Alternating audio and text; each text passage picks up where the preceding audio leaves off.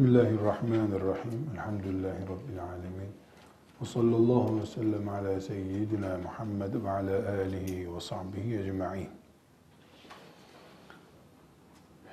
Bir konuyu yarım fıkıh konusu olarak görüyorum. Tam fıkıh konusu değil ama almamız, işlememiz gerekiyor. Kadın hakları, kadını koruma başlığı altında yaklaşık bir yüz senedir, biraz daha da fazla belki, İslam topraklarında büyük bir fırtına estiriliyor. Kadınlar da, erkekler de, herkes kadını koruyor. Kadın da koruyor kadını, erkekler de kadını koruyor. Herkes de kadının üzerinden geçimini sağlıyor. Böyle bir acayip, iki yüzlü, şizofrenik ve sahtekarca bir kadın savunmacılığı moda oldu İslam topraklarında.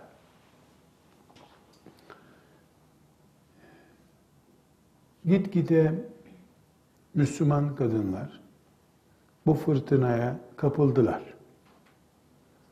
Maalesef üzülerek beyan edelim.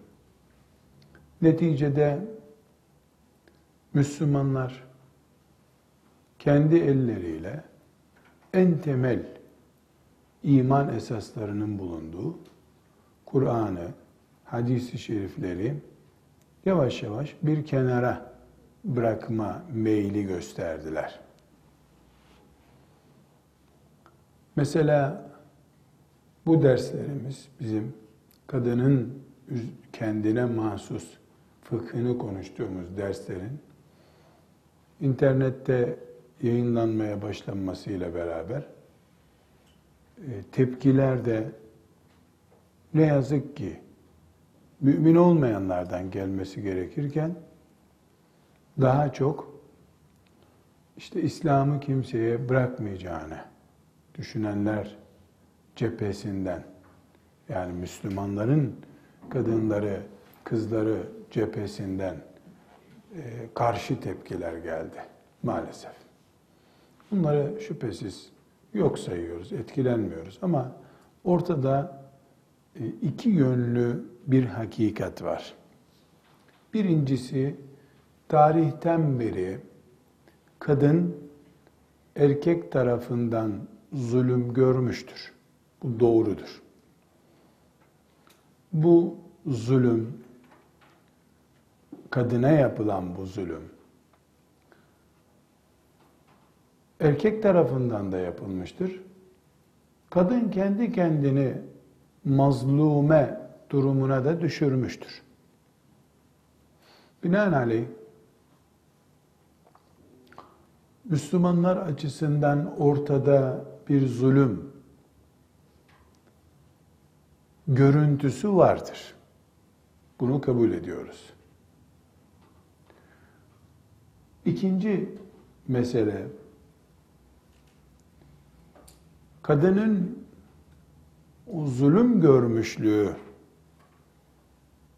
başka şey Allah'ın şeriatının kadına takdir etmiş olduğu yer, konum bu zulüm için gerekçeli bir zemin olarak kabul edilmesi başka şeydir. Yani şu kadın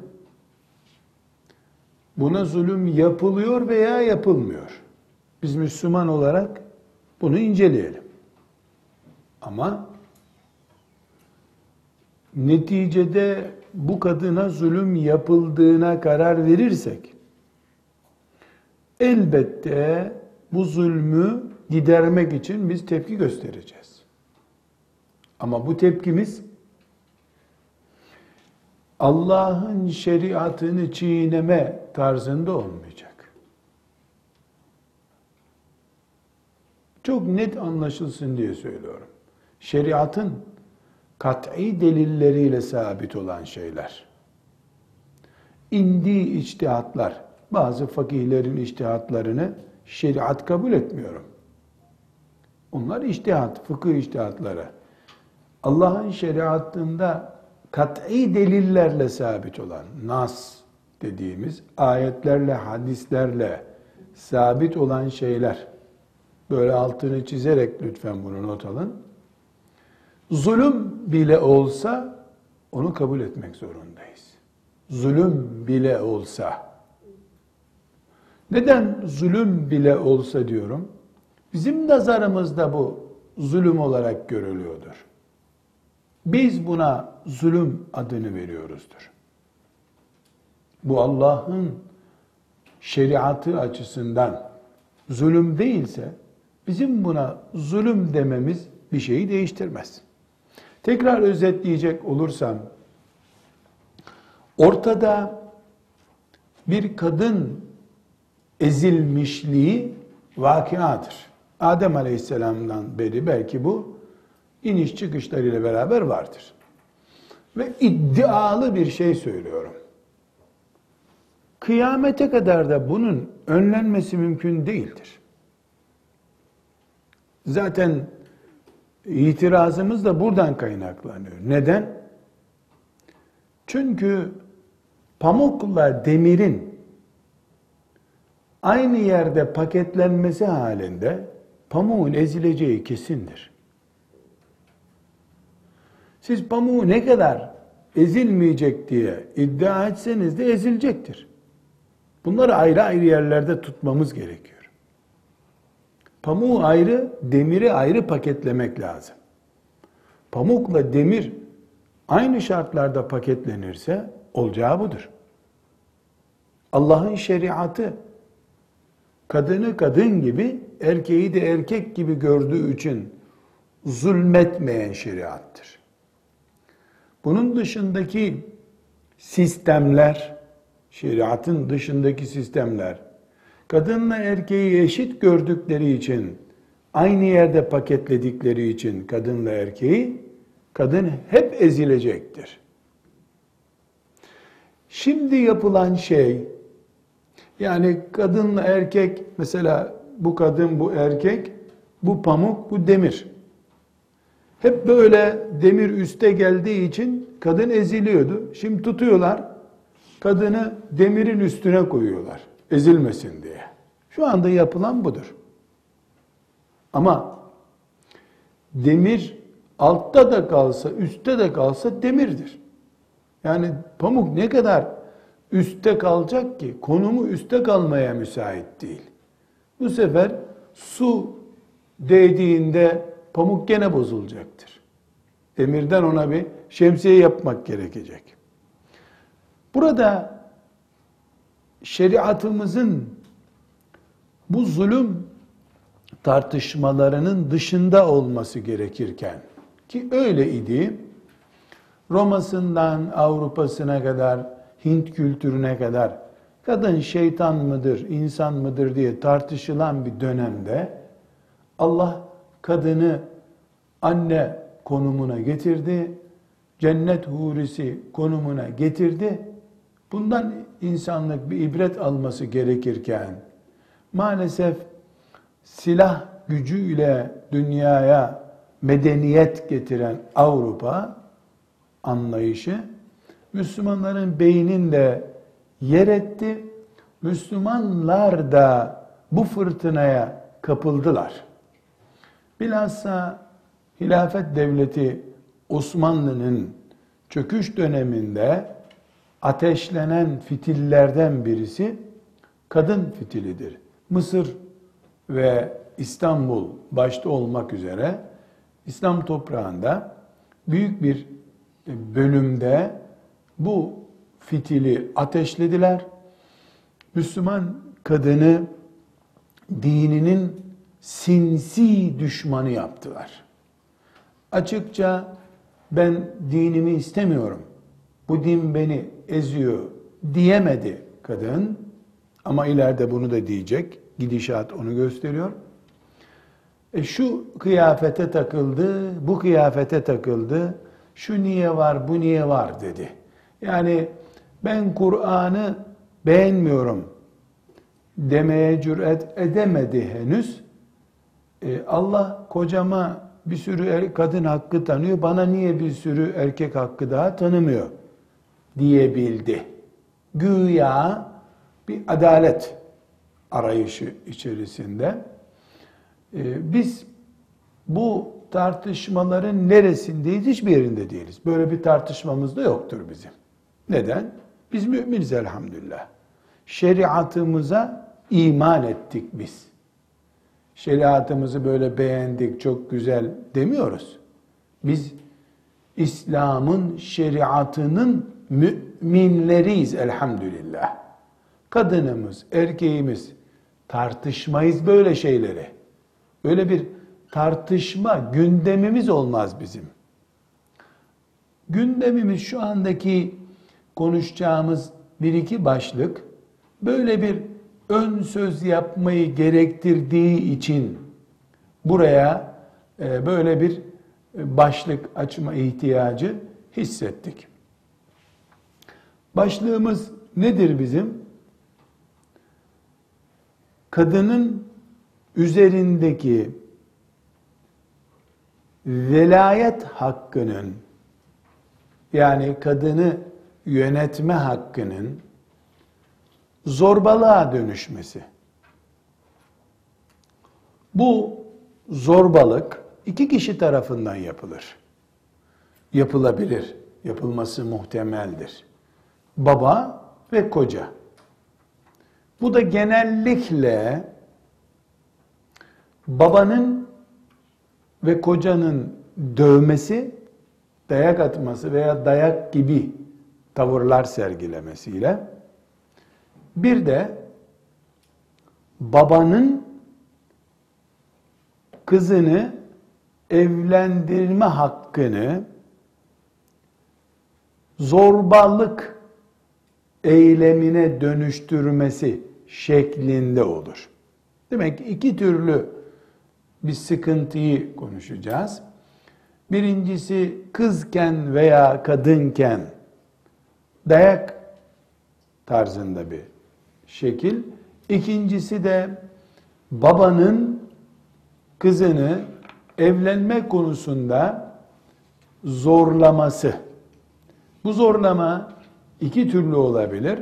Birincisi istemediği bir kişiyle evlendirme. İkincisi kız evlenmek istediği halde babanın evliliğe engel getirmesi. Bu konularda şeriatımız ne diyor? Bunu konuşalım. Ama önce kadına bir velayet yetkisi verilmiş koca ve babadan söz ettiğimizi unutmayınız. Kızken baba veya boşanıp babasının evine döndüğünde baba ya da babanın yerinde kim duruyorsa velayet hakkı yani söz söyleme hakkı vardır. Koca da hanımına karşı söz söyleme hakkı vardır. Gerek baba ve gerekse koca ellerindeki bu hakkı zulme dönüştürebilirler mi? Dönüştürebilirler. İnsandırlar nihayetinde. Kendi kendine zulmedip cehenneme girecek işler yapıyor insan da. Kızına zulmetmez mi? Eder elbette. Karısına zulmetmez mi? Eder elbette. Yani insan olarak bunu yapabilir. Şeriatımız yapılan, yapılması muhtemel olan bu zulme sessiz mi kalıyor? Onu konuşacağız. Bu konudaki fıkıh hükümlerini konuşacağız. Öncelikle dövme meselesi ki kadınların külliyetiyle şikayet ettikleri şey budur. Bilhassa evlendikten sonraki koca dayağı veya dayağı rahmet okutacak işkenceler. Her halükarda biz bunu dayak olarak isimlendirelim ama ya dayağı rahmet okutacak işkenceler de olabilir. Dayak nedir bunun yanında? Yani sadist anlayışlı, zalimlik damarlarında kan olmuş insanlar olabilir. Fakat burada e, ciddi bir şekilde bir ön bilgi koymak istiyorum. Hanım kızlar, bunlar konuşulurken bilhassa bu son dönemlerdeki çıkan kanunlarla da e, böyle zihnim çok yoruluyor bu konuda. Sanki sadece erkek zalim olur gibi bir anlayış var. Kadından da firavun olur. Kimse bunu inkar etmesin. Nemrut erkekti. Bu doğrudur ama dişi Nemrut da var bu dünyada.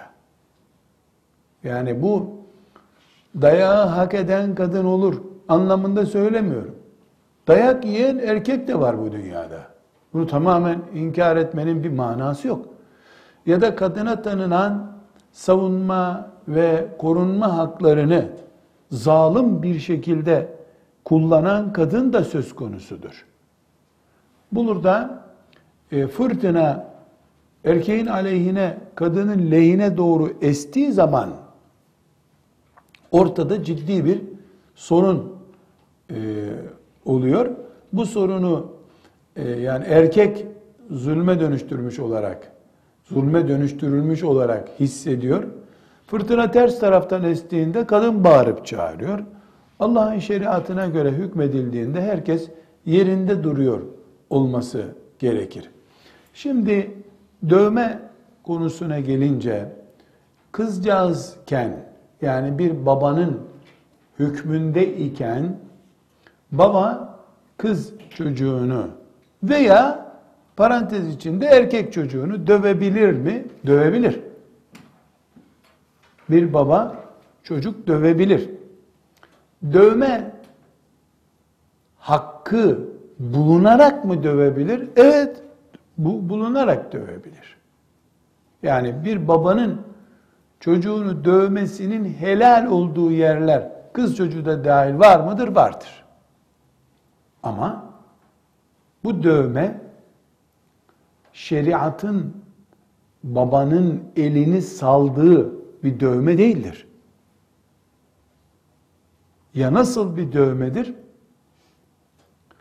Artık eğitim metotlarının fayda etmediği, 1, 3, 5 denendiği halde, eğitim metodu açısından söz ve pedagojik kuralların sınırının bittiği ve babanın, annenin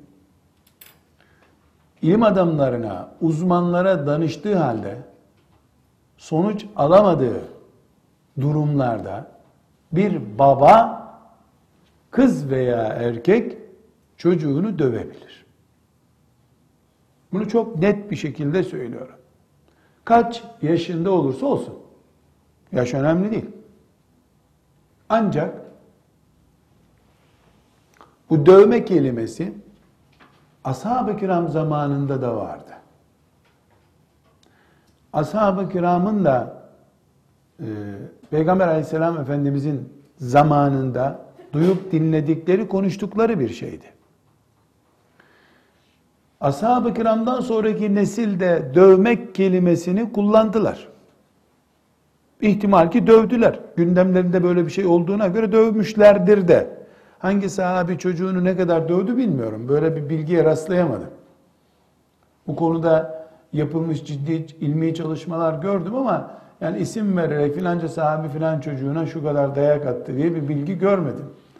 Ama şeriatı en iyi şekilde bildiğine e, şahit olunulan İbn Abbas radıyallahu anhuma'ya sorulmuş soru var. Yani dövmekle ilgili olarak. Gerek e, çocuğu babanın dövmesi ve gerekse e, kadını kocasının dövmesiyle ilgili hüküm incelendiğinde dövmek vardır. Ve bunun ucu da Kur'an'a dayanıyor. Nisa suresinin 34. ayeti çok açık bir dövmekten söz ediyor. Ama gerek hadis-i şerifler ve gerekse e, dövmenin ayrıntıları ile ilgili sorulara cevap veren sahabilerden anlaşılan dövme kelimesi bizim kullandığımız kırbaç ve job gibi dövme araçlarına ait bir şey değil. Mesela Efendimiz sallallahu aleyhi ve sellem deve kırbaçlar gibi vurmaktan söz edip ayıplıyor. Nasıl vurursunuz böyle diyor. Demek ki hayvana vurulan kırbaç türü böyle 50-60 santimlik genelde e, mesela kıldan yapılmış ya da at kuyruğundan yapılmış böyle kaldırıp hayvana vurulan şeyin insana vurulmayacağını söylüyor. Bu kural yani kime ne kadar vurulacağı kuralının çok özeti şudur. İbn Abbas'a sorulmuş radıyallahu anhuma yani ne kadar vurabiliriz diye sorulduğunda misvakla vurabilirsiniz demiş. Hanım kızlar misvak çok iyi bildiğiniz yabancı bir kelime değil. Misvak bir insanın cebinde gezdirdiği odun parçasıdır. Bir kurşun kalem kadar. Çok net bir şekilde misvak işte. Bu da misvak gibi bir şey. Misvak da bu kadar. Biraz daha uzasın. İnsan bunu cebinde gezdiriyor. Sahabi misvağı cebinde gezdiriyordu. E şimdi bu zannediyorum 12-13 santim. E biraz daha uzun misvak olsun. 25 santim olsun. Daha uzununu nasıl gezdirecek sahabe? Çıkarıp cebinden misvağını göstermiş. Bununla dövebilirsiniz demiş. Birincisi dövme ile ilgili sınırın başlamış olması lazım.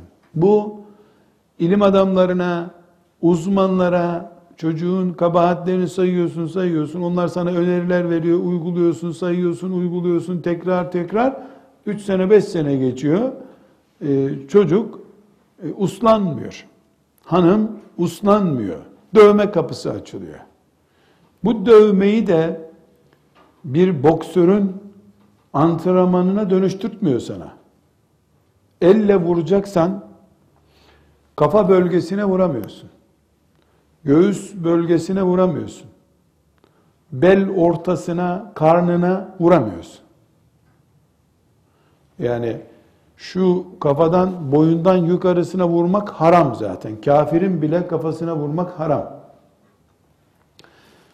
Süt emzirdiği göğüs bölgesine vurman haram. Avret, avreti galize denen e, kadınlık organı bölgesine vurman haram.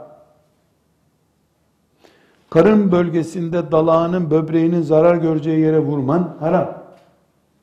E neresi kaldı? Omuzuna vurabiliyorsun. Baldırlarına vurabilirsin. Ayak altına vurabilirsin. Bu vurmaya da elle vurduğun zaman gerilmek gene yasak. Yani böyle gerilip gerilip bir tane yumruk patlatamıyorsun. Kolunu kaldırarak vurman yasak. Kolu kaldırarak vuramıyorsun.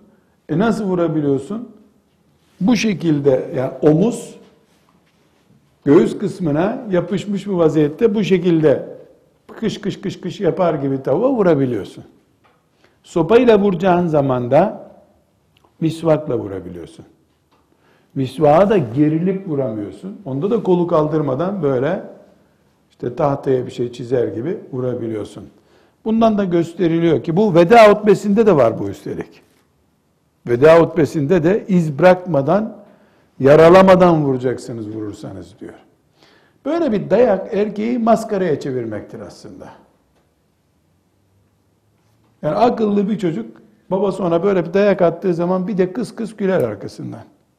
Babasına bir sürü de maymunluk işaretler de yapabilir. Palyaçoluk yapar babasına. Çünkü bu dayak oh be neşemiz kaçmıştı iyi oldu diye çocuğu neşelendirir de. Demek ki şeriatımız Nisa suresinin 34. ayetinde de, hadisi şeriflerde de dayağı kapı açmıştır. Ama bu kapıyı sonuna kadar açmamıştır. Dayak kalksın denirse kalksın. İki şeye herkes hazır olsun o zaman. Baba ve koca boşalmayacak demektir. Bu zinanın da kapısının açılması demektir. Dul kadınlara da yol açılması demektir.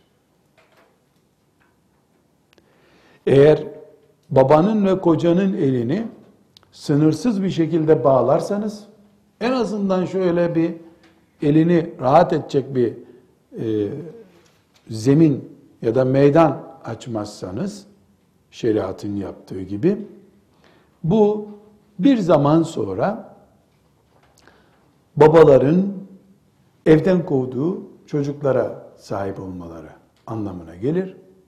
Ya da dayağa rahmet okutacak işkence yaparlar. Dayak yasak mı? Yasak. Elektrik vereyim bari diyecek. Dayak insanın havasının alınması demektir. Bu hava alınması baba ve koca açısından da gerekli. Karakteri bozuk bir insan nasihatten, öğütten, ricadan haftalarca, senelerce anlamayan birisi için şifa olabilir. Olmasaydı Allah buna kapı açmazdı. Evet, koca içinde aynı şey geçerli. Erkeğin yani kocanın kadını dövmesinin caiz olduğu ile ilgili hüküm Kur'an'dan alınmaktadır. وَاللَّاتِي تَخَافُونَ نُشُوزَهُنَّ Kadınlık sınırlarını aşmasından korktuklarınız kadınlar olarak ya onlardan korkuyorsanız artık bu bir belaya dönüştü, musibete dönüştü. Kadın değil bu. Bir canavar diye kanaat getirdiğiniz zaman fe'izuhunne kadınlara nasihat edin. Ricada bulunun. Sen nasihat et, babası nasihat etsin, abisi nasihat etsin, komşu nasihat etsin. Bu bir sene mi sürer, beş sene mi sürer, nasihat etsin. وَهْجُرُوهُنَّ fil الْمَضَاجِعِ Bundan kadın akıllanmadıysa, hala bir mayın gibi dolaşıyorsa evde, yatak odası cezası verin kadınlara. Çünkü kadının elindeki en büyük silah, erkeğin cinselliğinin tatmin noktası olmasıdır. Bunu erkeğe karşı silah olarak kullanır. Erkek bu sefer yatak odası cezası vermeye kalktığında sana ihtiyacım kalmayabilir. Dikkat et. Bu silahı kullanma bana karşı demiş olur. Bunu da 3 ay 4 ay fiilen gösterir.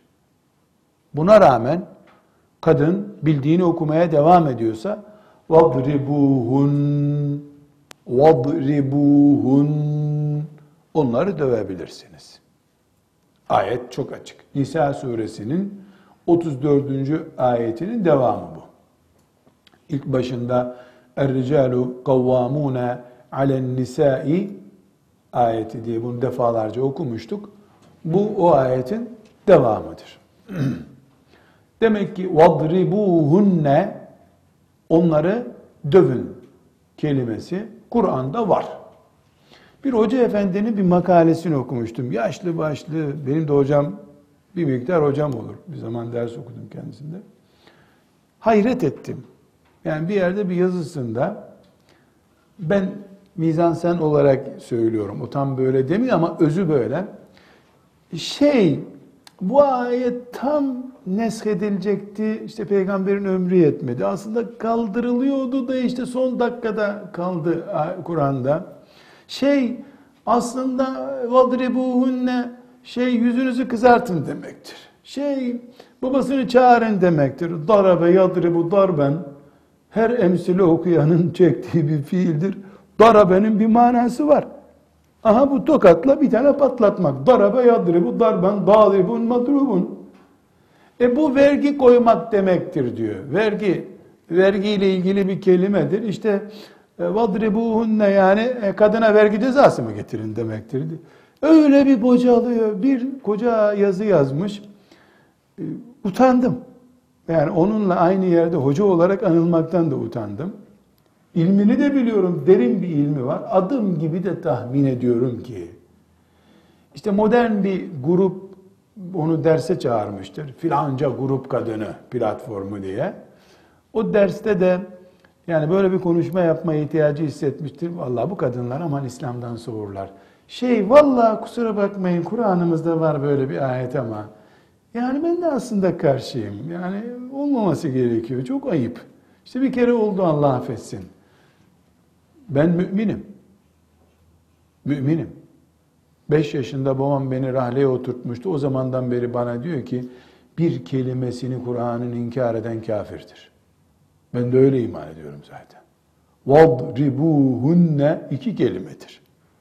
Darabe fiili var bir de hünne zamiri var orada. Bunu inkar edemem. Kur'an'da var bu. Veda ederken Resulullah sallallahu aleyhi ve sellem ümmetine bu ayeti tefsir ederek veda etti gitti haccında. Üstelik de şerhi olan konuşmalarda muğlak bir ifade de değil. Acaba bu ne demektir diye.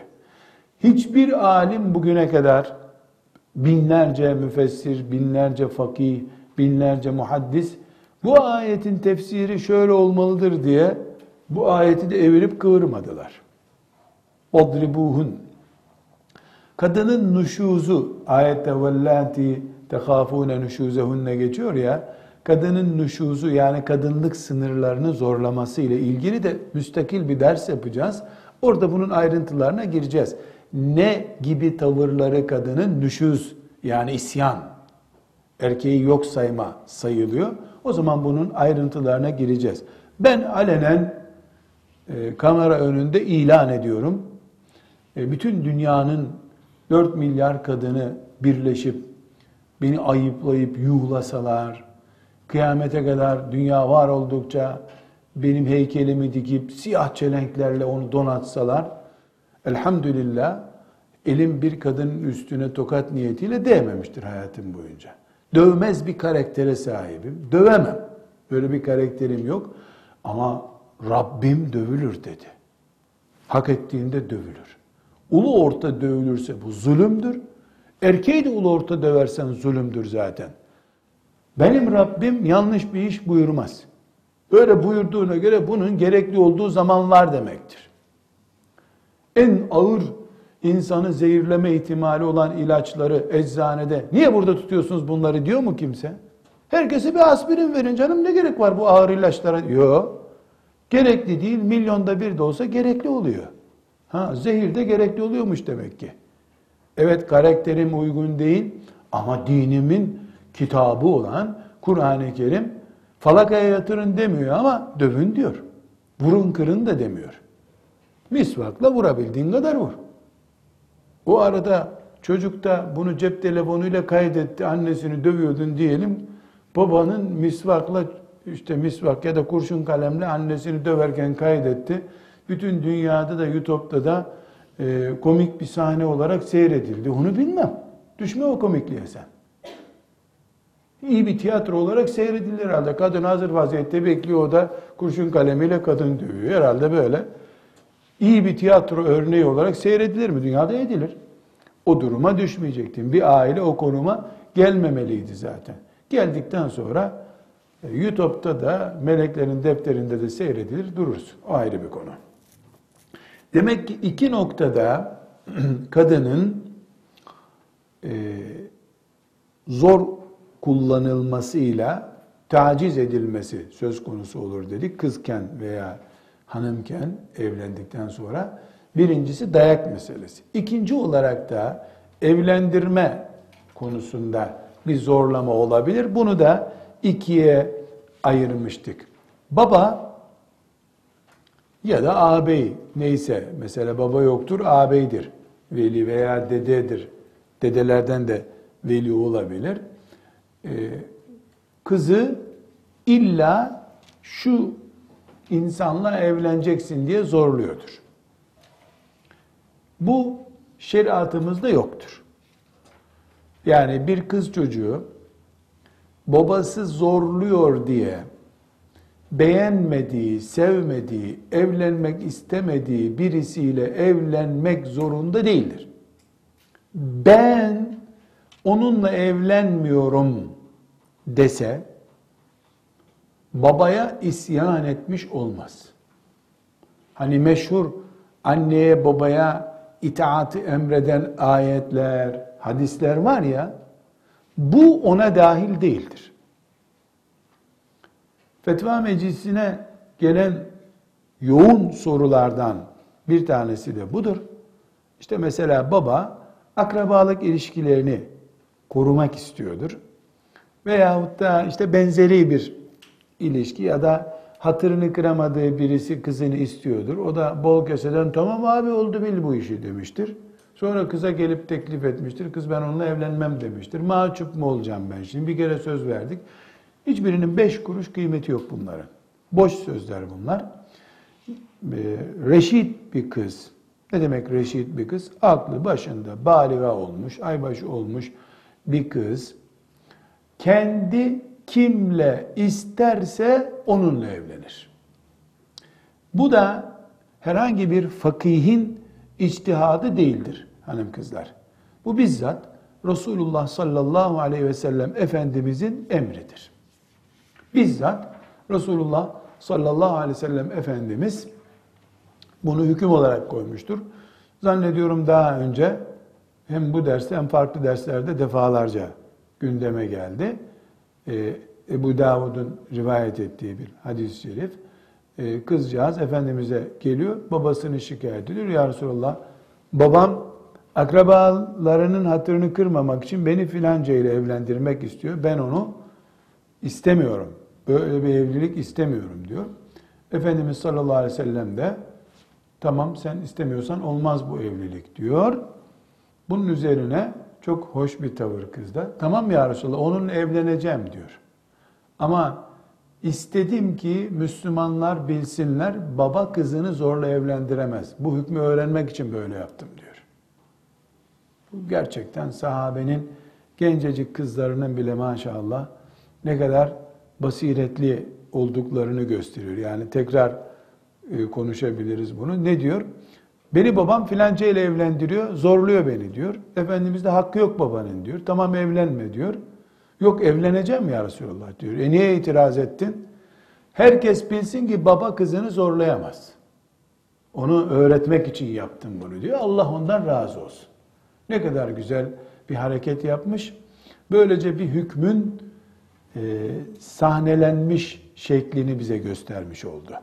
Belki Efendimiz sallallahu aleyhi ve sellem buyuracaktı. Kimse kızını evlenmeye zorlamasın ama bir de böyle bir sahneyle bir skeç gibi bir şeyle bir hükmü bize net anlayacağımız sahneyle ulaştırmış oldu.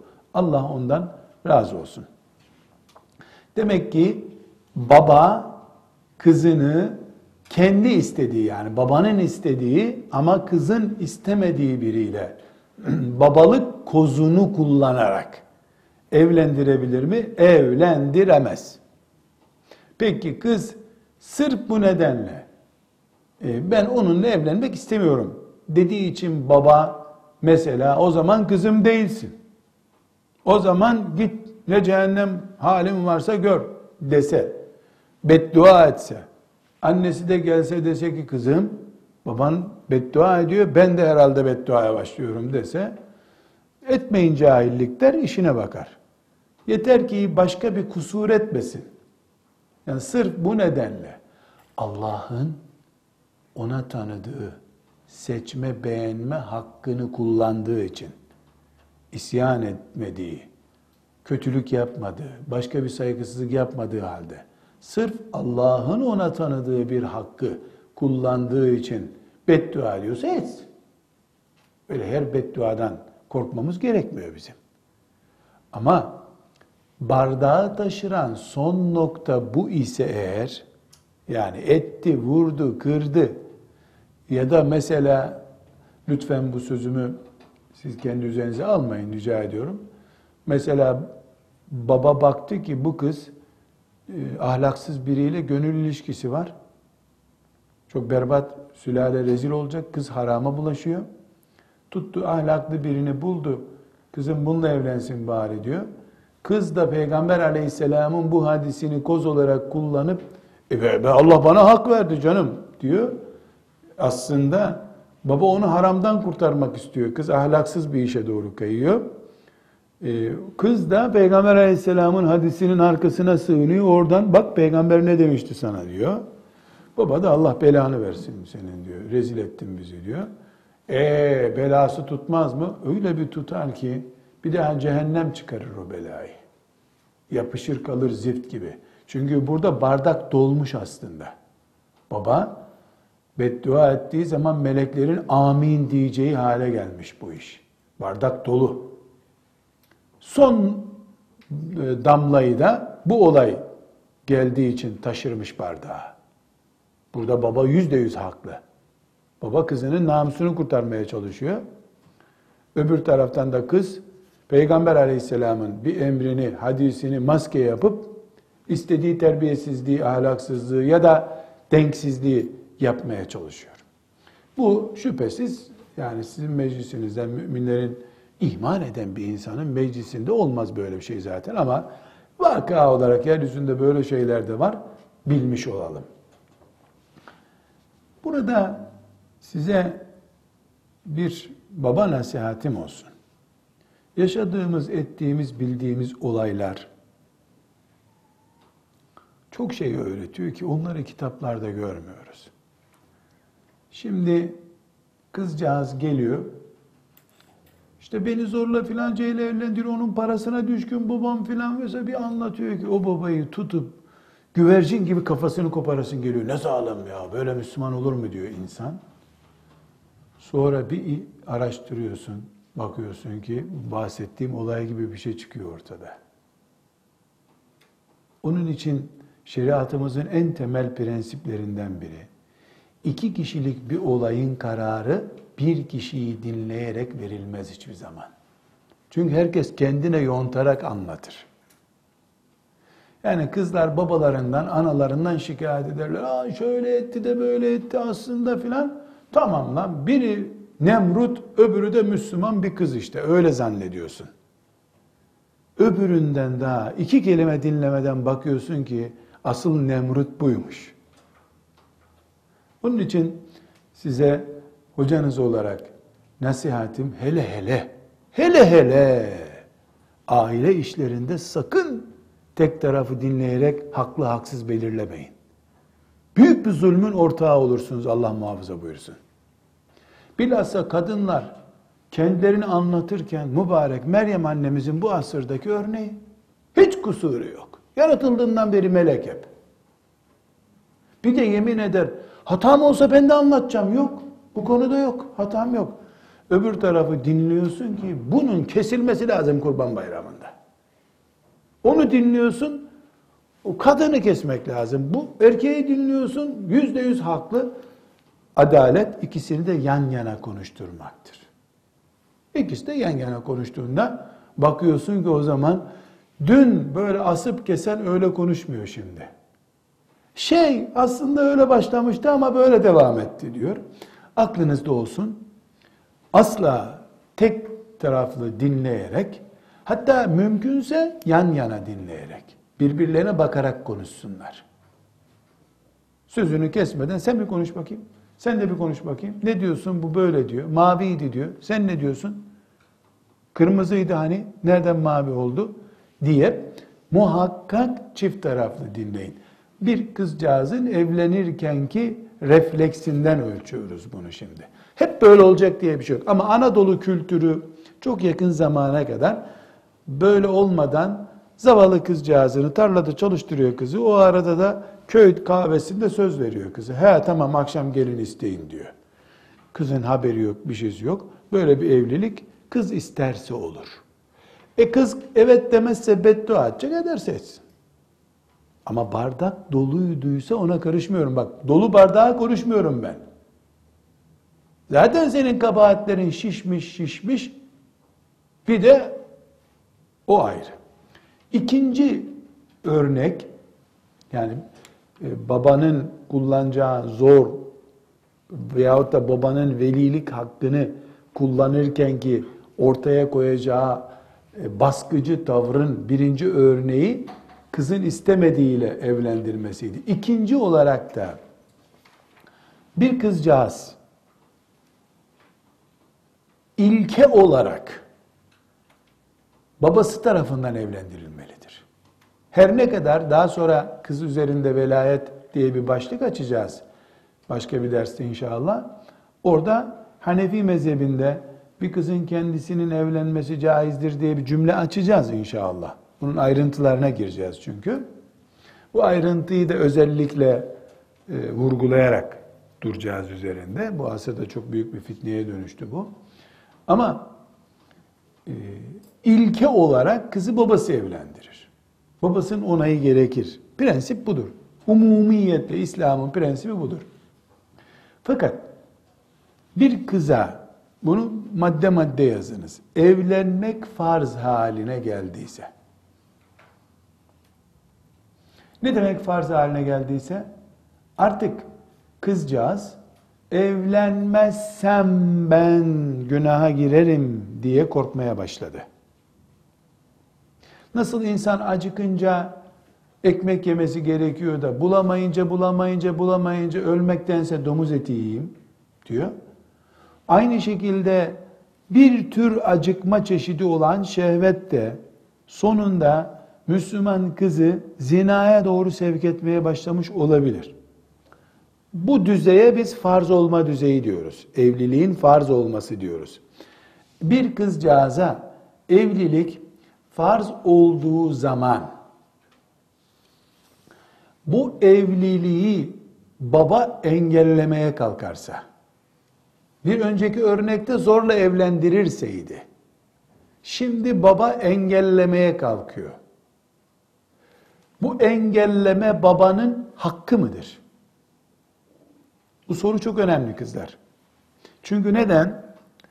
Babalar bilhassa anneler, anneler de bazen yöre şartını, zenginliği, diploma sahibi olmayı vesaire bahane edip mesela kızım zengin bir çocukla evlensin.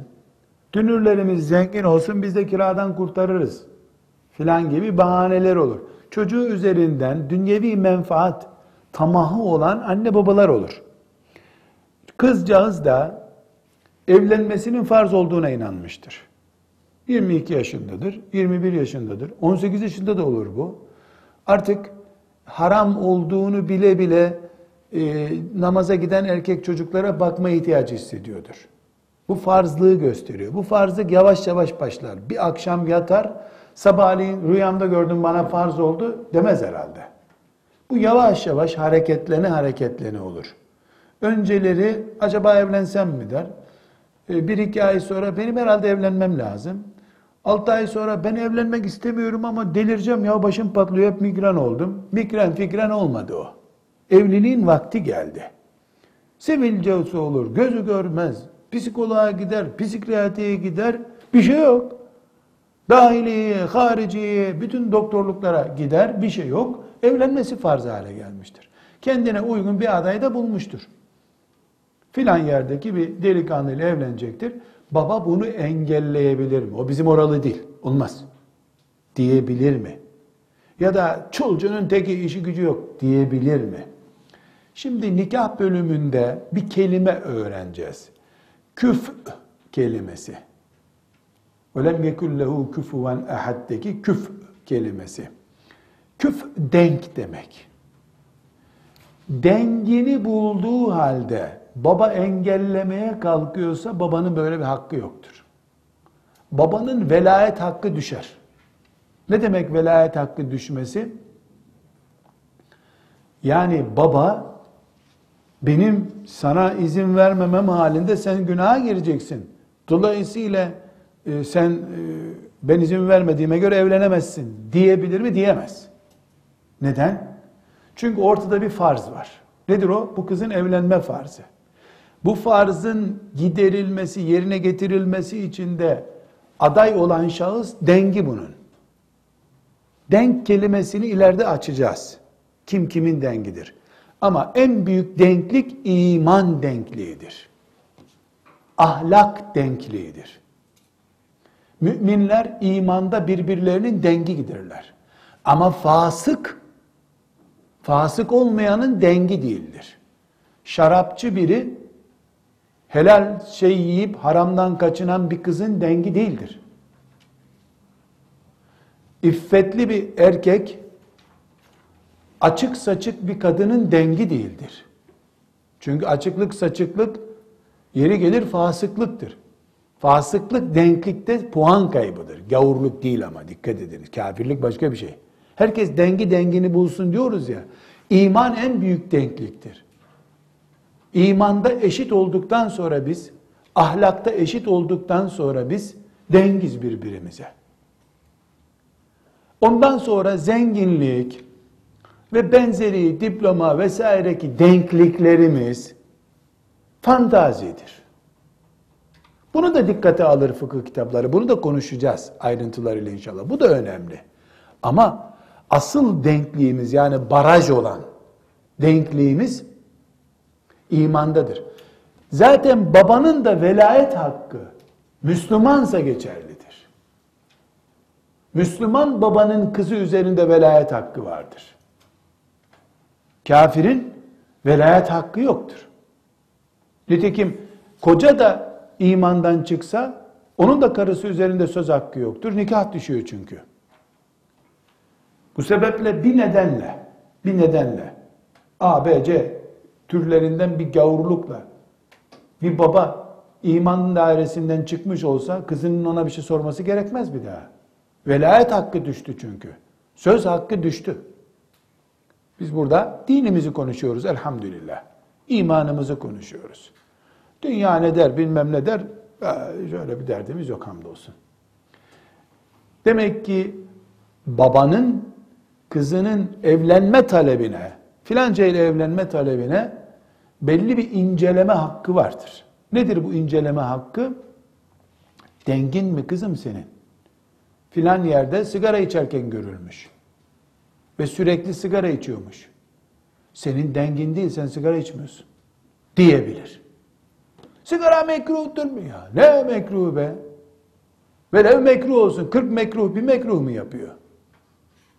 İki paket sigaradan 40 tane sigara topla, ne zamandan beri 40 tane gram toplanınca bir kilonun şu kadarı yapmıyor. Onu da bir engel getirebilir baba. Ahlaksızlığı engel getirebilir. Zaten iman zafiyeti varsa haydi hay baba tavrını koyar. Kafire gidemezsin sen der. Olmaz zaten nikah caiz değil. Ama ortada mesela etnik bir neden. Biz şuralıyız. Biz kuzeyliyiz. Onlar güneyli. Güneyliye kız vermem ben. Böyle şey olur mu ya? İmanda dengiz biz elhamdülillah. Güneyli veya kuzeyli. Arada bir ahlak farkı var mı? Mesela biz kuzeyliyiz. Güneyliler mahremiyet olmadan ailece oturuyorlar.